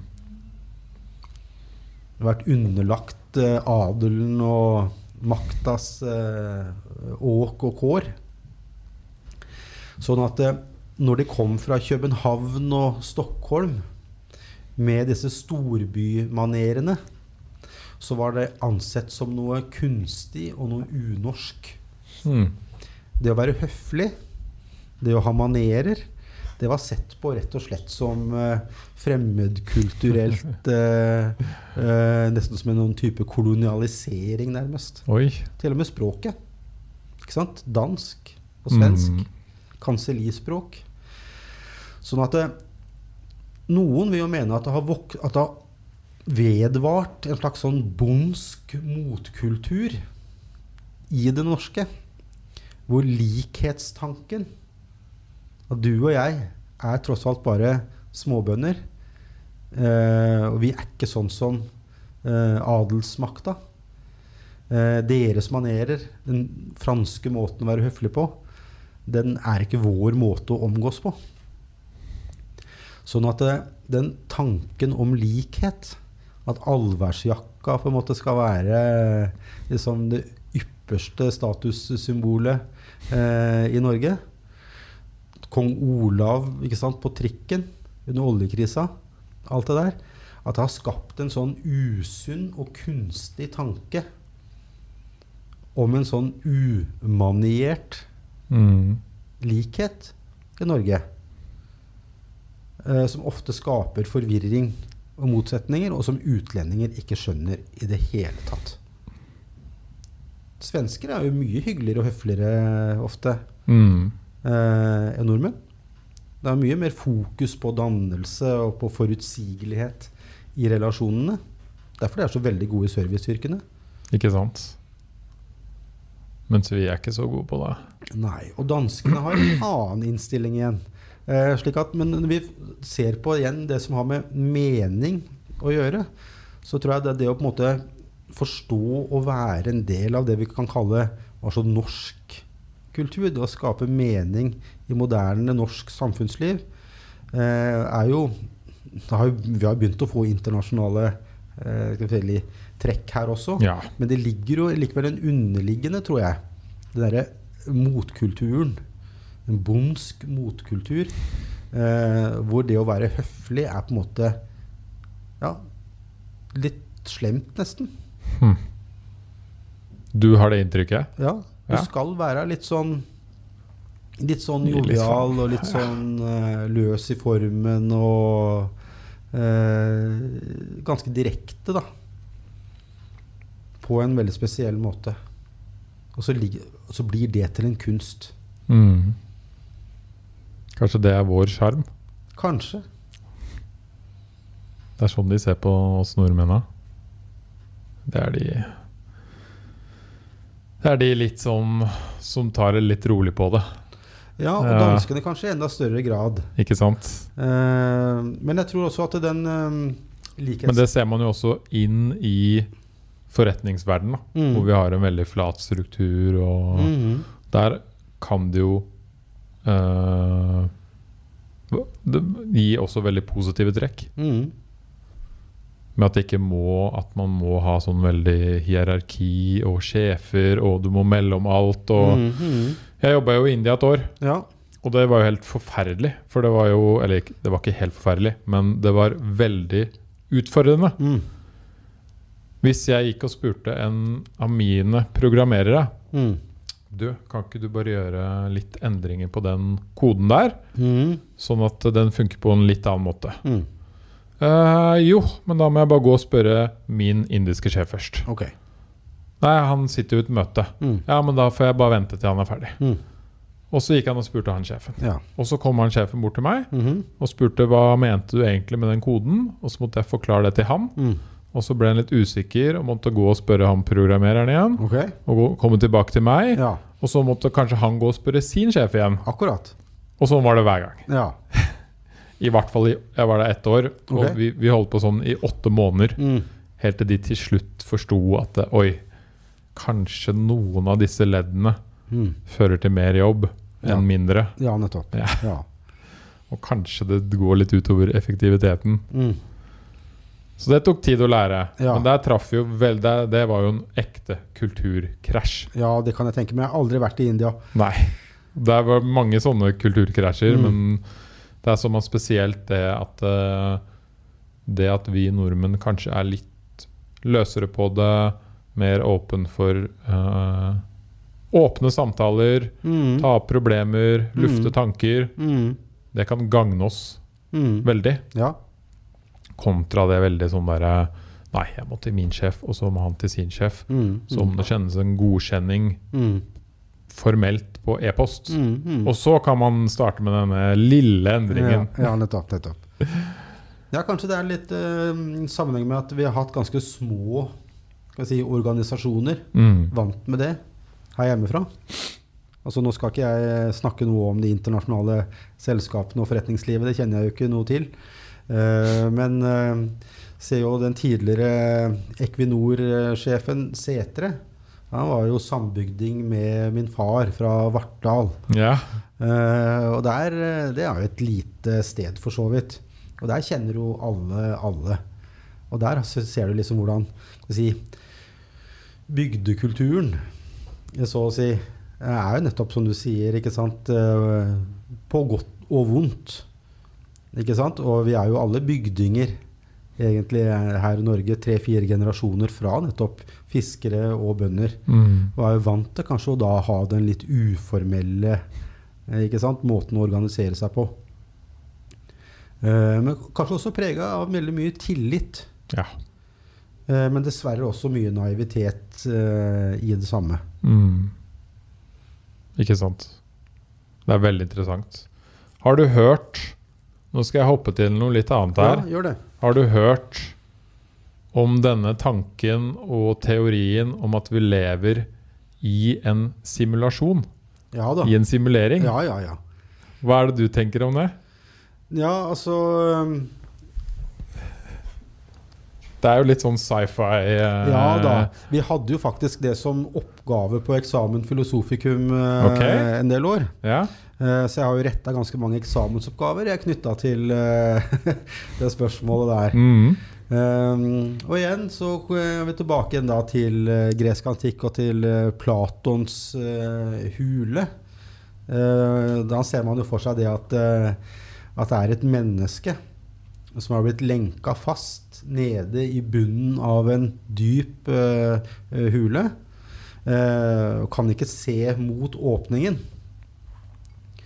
Men rett bak mennesket så er det en mur, eller en vei, da. Og så er det et bål bak der igjen. Og der går det dyr og mennesker og alt mulig rart. Eh, helt vanlig liv, da. Som skjer bak ryggen på vedkommende, og så ser vedkommende bare skyggene Mm. på huleveggen. Eh, og det er jo sånn bare det mennesket er vant til å erfare tingene. Yes. Jeg har jo aldri sett noe annet, aldri hørt noe annet eller opplevd noe annet. Det er bare sånn det er. slik at eh, virkeligheten og verden og samspillet det skjer altså da bare ut ifra det skyggespillet som vedkommende ser da på denne veggen. Mm.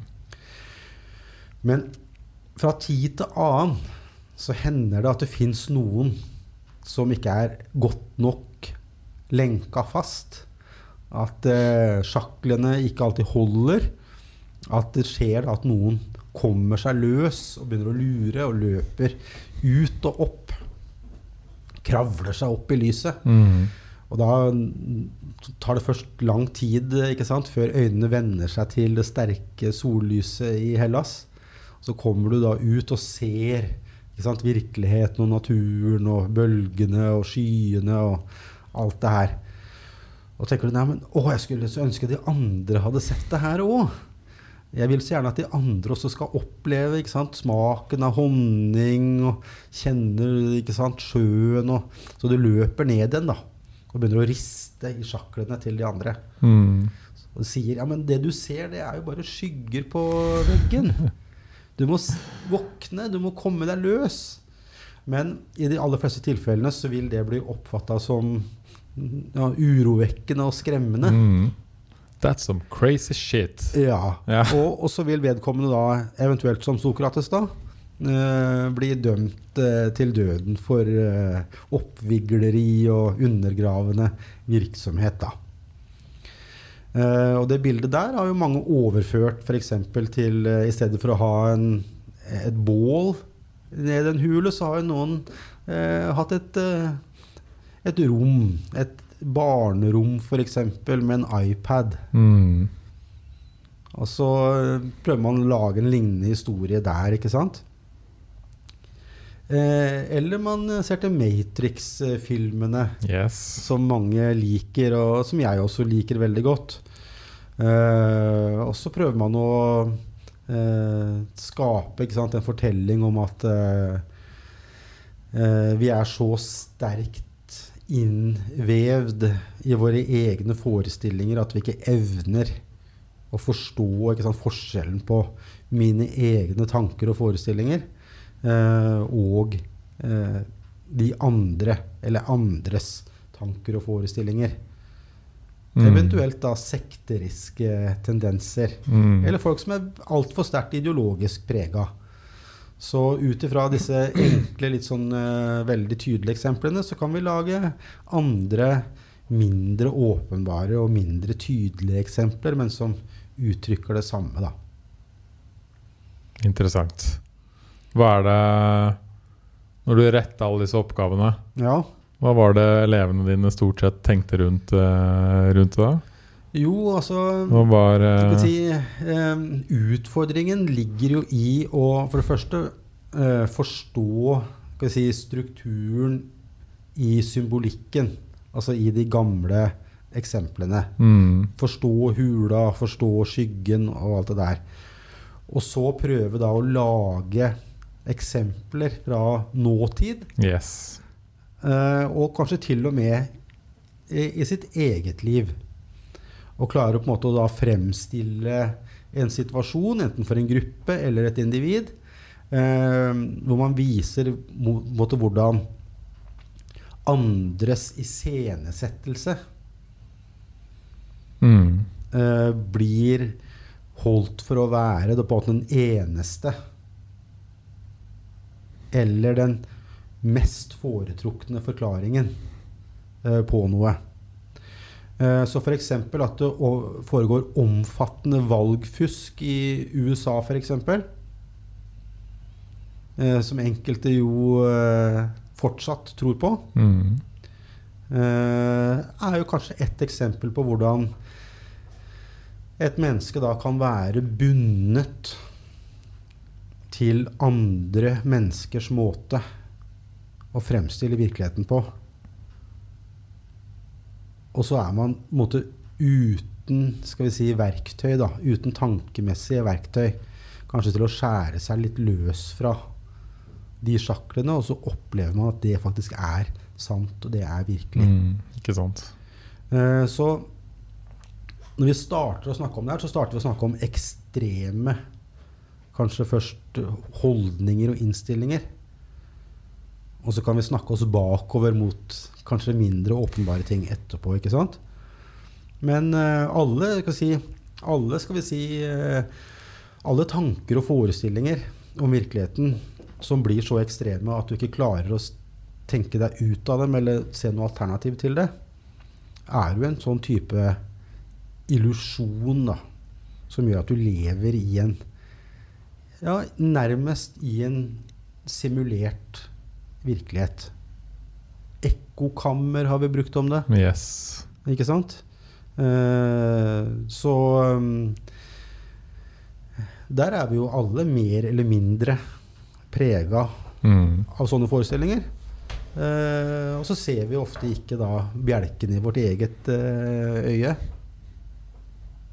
Men det er spennende å tenke på. Det er det. Um, Hva, hva syns du ja. Er spennende å tenke på om dagen? Som sånne store spørsmål, og hva er det du på en måte sitter og grubler over?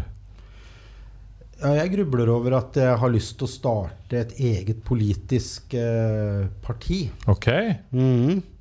go Egil. Ja. Hva, er det, hva er annerledes med dette partiet? Det eh, skal hete Teknologipartiet De Grå. Ok. Grå er en kjedelig farge, Egil. Ja, nettopp. Ja, det skal være kjedelig. Ja. For det skal basere seg på Det skal basere seg på eh, teknologiselskapet De Grå. Teknologipartiet. Nei, partiet De Grå. Ok, Eh, la meg høre. La deg høre. Og det er det at eh, som de fleste andre, så er jo jeg også Ser jo rundt meg og ser jo at eh, verden, jorda, miljø, klima Mm. osv. er en stor utfordring. Men eh, dette det fantasifosteret mitt om eh, teknologipartiet De Grå Mm. eh, handler om at du og jeg som enkeltmennesker, vi må ikke lastes for eh, det, de dårlige betingelsene vi får for å utøve godt klima eh, eller, go, eller god klimaatferd. Og jeg er jo en teknologioptimist. Det er jeg òg. Og eh, Veldig er jo bra. en rasjonalist, eh, så å si, på vitenskapens eh, Mhm. vegne. Og så tenker jeg av og til at eh, hvis du ser, ser, til, London da, sånn rundt eh, 1880, så var man så fortvila, for man trodde jo at byen kom til å drukne i hestemøkk. Yes, det har jeg hørt om. Ikke sant? Det er jo bare å se på nettet og lese om det, så ser man at man vassa jo til knærne nesten i hestemøkk. Det var jo så ikke sant, Diligensen og limon, de svarte limousinhestene og alt dette der, de drev jo ikke sant, De farta rundt overalt og skapte Mm. jo veldig mye mer mobilitet for folk. Men hestemøkka så mye dritt. ja, det hestemøkka, det visste man. Man hadde ikke anelse hva man skulle gjøre med det. Det var jo et klimaproblem, eller, ja, nei, nei, unnskyld, det var ikke riktig sagt. Det var et miljøproblem. Ja. Et lokalt miljøproblem. Med sykdommer og alt mulig rart. Men så kom jo automobilen. Mm. Og da blei jo eh, Problemet med hestemøkk blei jo borte. Men etter ca. 100 år så hadde jo den nye løsninga skapt så forferdelige nye problemer. Altså bilen. Og hele samfunnet vårt er jo Infrastrukturen er jo basert på bilen Mm. og oljeteknologi. Så jeg har et håp om og en tro på at omtrent på samme måte som at når automobilen erstatta hest og kjerre i London, så vil det oppstå en ny teknologi nå ganske snart som vil eliminere de fleste av de eh, klima- og miljøutfordringene som dagens eh, teknologi og infrastruktur legger opp til. Mm. Eh, sånn at eh, Derfor så skulle jeg ønske at eh, Miljøpartiet De Grønne kanskje mer hadde slutta å fokusere så mye på tofu og eh, sandaler. Og heller kanskje begynt å innse at svaret ligger ikke på å drive og påføre enkeltindividene eh, så mye last og brast eh, i, hverdagen sin, men de må gå den andre veien. De må starte på toppen. De må starte på forskning, de må starte med innovasjon. De må Mm. starte med samfunnsutvikling på et høyere nivå. Og sprøyte inn milliarder av kroner inn i forskning, innovasjon, inn i teknologibedrifter. Eh, som, som da antagelig kan komme til å eliminere den avhengigheten vi har i dag av en ja, eh, nesten utdatert energikilde. Mm. Og så må vi finne nye energikilder som må prises fornuftig på statlig nivå for å opprettholde økonomien. Altså Økonomien er jo bare et, et konstrukt. Ja, for, altså, det her har jeg også tenkt på lenge, at du kan ikke skylde på brukerne. Det er jo løsningene som er dårlige Mm. i dag, Ja, og utdatert, som du sier. det er jo det. Og brukerne vil ikke slutte å bruke. Nei. Det er bare Mm. idiotisk å tenke sånn. Ja, ja. Uh, du må jo tilby dem et bedre alternativ. Mm. Ikke sånn som vi ser med elbil i Norge nå. Mm. Det er jo et godt eksempel på at Mm.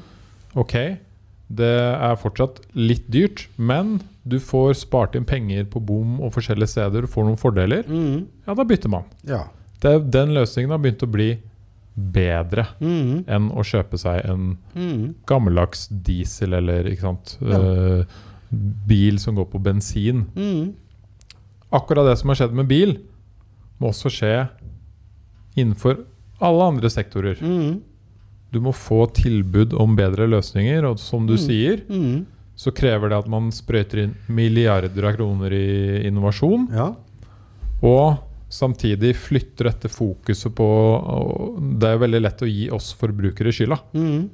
men det hjelper oss ingenting. Nei, det gjør ikke det. Vi fortsetter jo å spise mat Ja.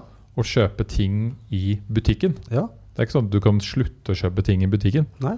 Tingene i butikken må bli bedre, Mm. og klimavennlig. Ikke sant? Og det eh, Det er mye å si om det når det gjelder på en måte internasjonal solidaritet og alle tingene her. Men eh, det ser jo på nett stadig nå utrolig fiffige småskalaløsninger sånn for lokal energiproduksjon.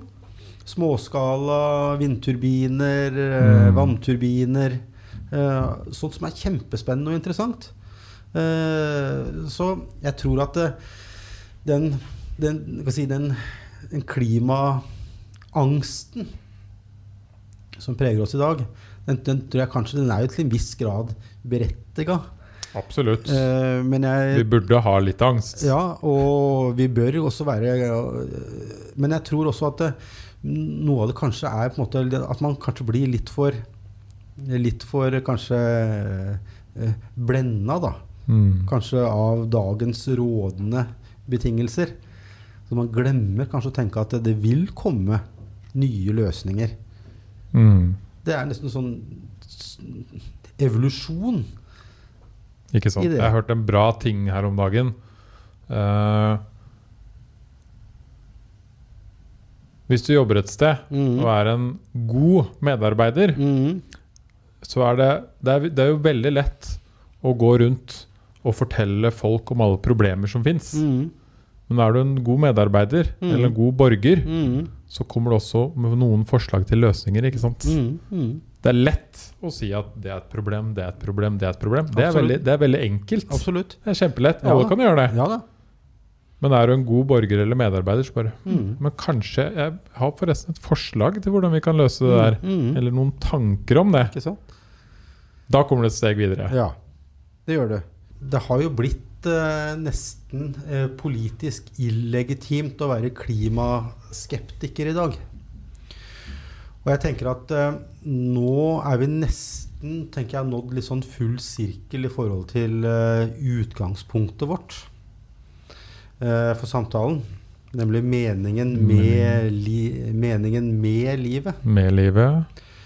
Eh, fordi at eh, nå som vi har snakka oss igjennom mange forskjellige nivåer her, Mm. både fra det ytre til det indre, så tenker jeg at det fins altså, Det øverste nivået, den ytre sirkelen, handler om meningen da si, Spørsmålet om meningen med livet. Da er man enten religiøs eller eh, ikke, eller noe midt imellom. Og så har vi midtnivået, eh, som handler, da vi nærmer oss meningen eh, i livet, men som likevel handler om historien, altså verdenshistorien. Eh, den har jo hatt ikke sant, sine eh, betydningsfulle og mindre betydningsfulle epoker og hendelser, sånn som andre verdenskrig f.eks. Det er noe som skjer både med oss, ikke sant? Og som jeg er delvis aktiv o- overfor, som ikke jeg kan noe for. Mm. Men det har jo prega mitt liv og ditt liv. Og så har vi da det innerste nivået, kan du si, som handler om meg og mitt, da. Det individuelle. Så det er jo tre nivåer. Det er jo det store kosmiske, eh, som er upersonlig. Og så er det da mellomnivået, som handler om historien og samfunnet og de gruppene som vi ufrivillig er en del av. Altså det at jeg er født i Norge på 70-tallet. Ikke sant? Og så har vi det personlige eh, nivået som har gitt meg muligheten til å velge visse ting fremfor andre.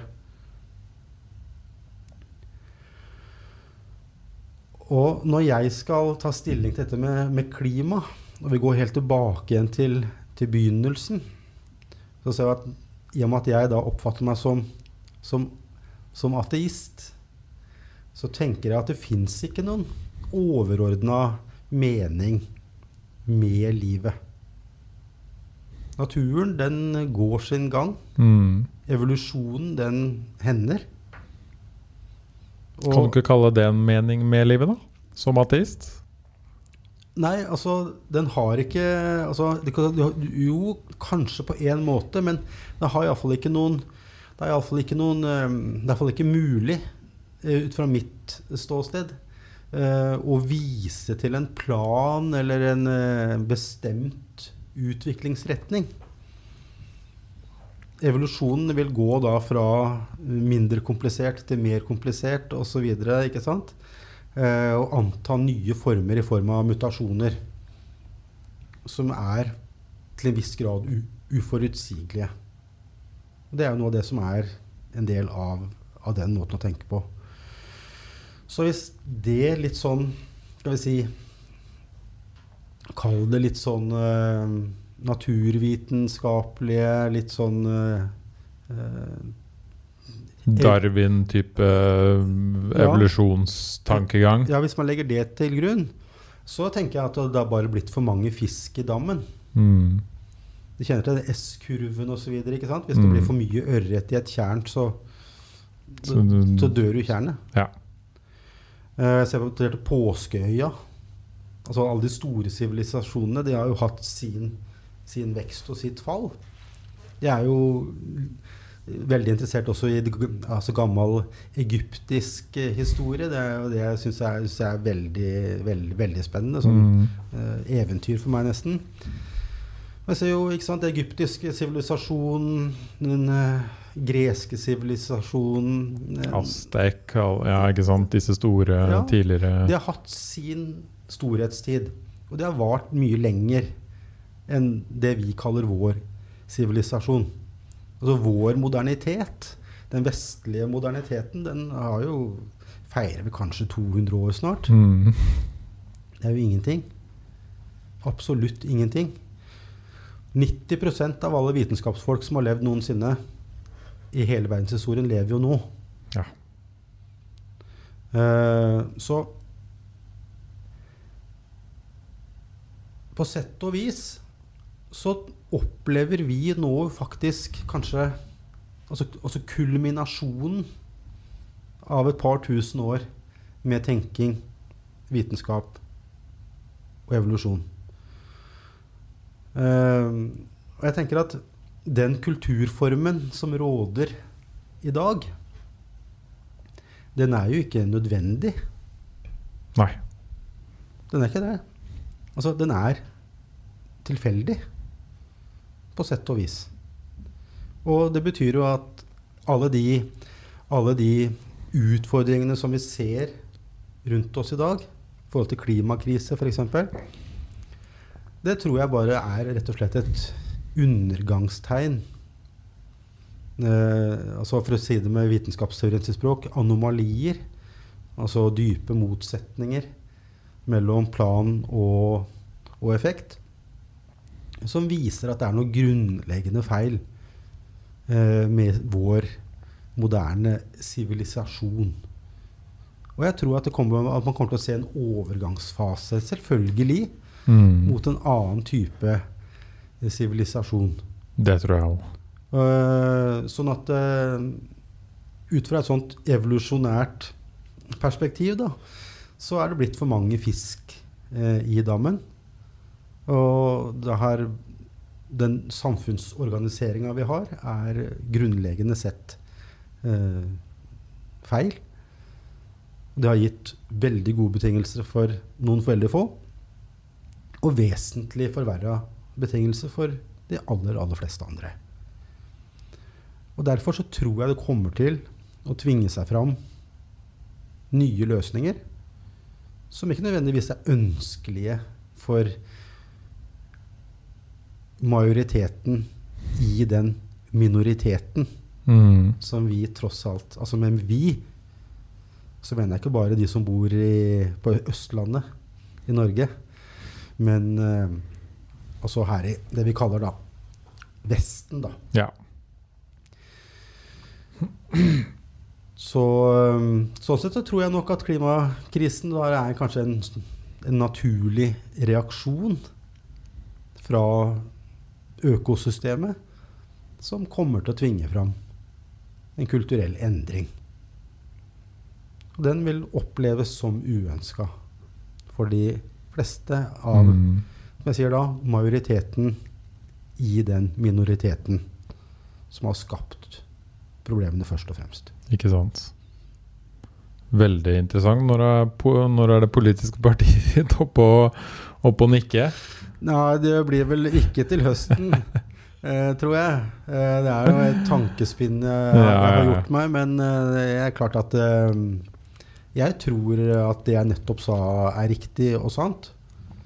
Eh, Jeg har mange av de samme tankene selv. Ellers hadde jeg ikke sagt det. Eh, men jeg tenker at veldig mye av den eh, lokalpolitikken ja, Den sier norsk politikk, da. Vi skal jo inn i et stortingsvalg nå. Mm.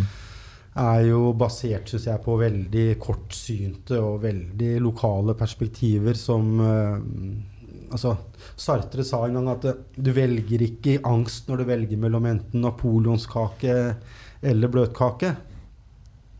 Og sånn er det litt her i Norge. Mm. Eh, jeg meldte meg jo ut av partiet Høyre for en del eh, år siden. Eh, når krefter i partiet vil motsette seg basal helsehjelp til papirløse Hm. uh, i Norge. tenkte jeg det vil jeg ikke være med på lenger. Nei. Det er latterlig på mange nivåer. Mm. Eh, pandemien nå har jo lært oss at smittesporing er jo ganske viktig. Jeg vil heller vite hvor mange som har tuberkulose i Oslo, enn å ikke vite det. Mm.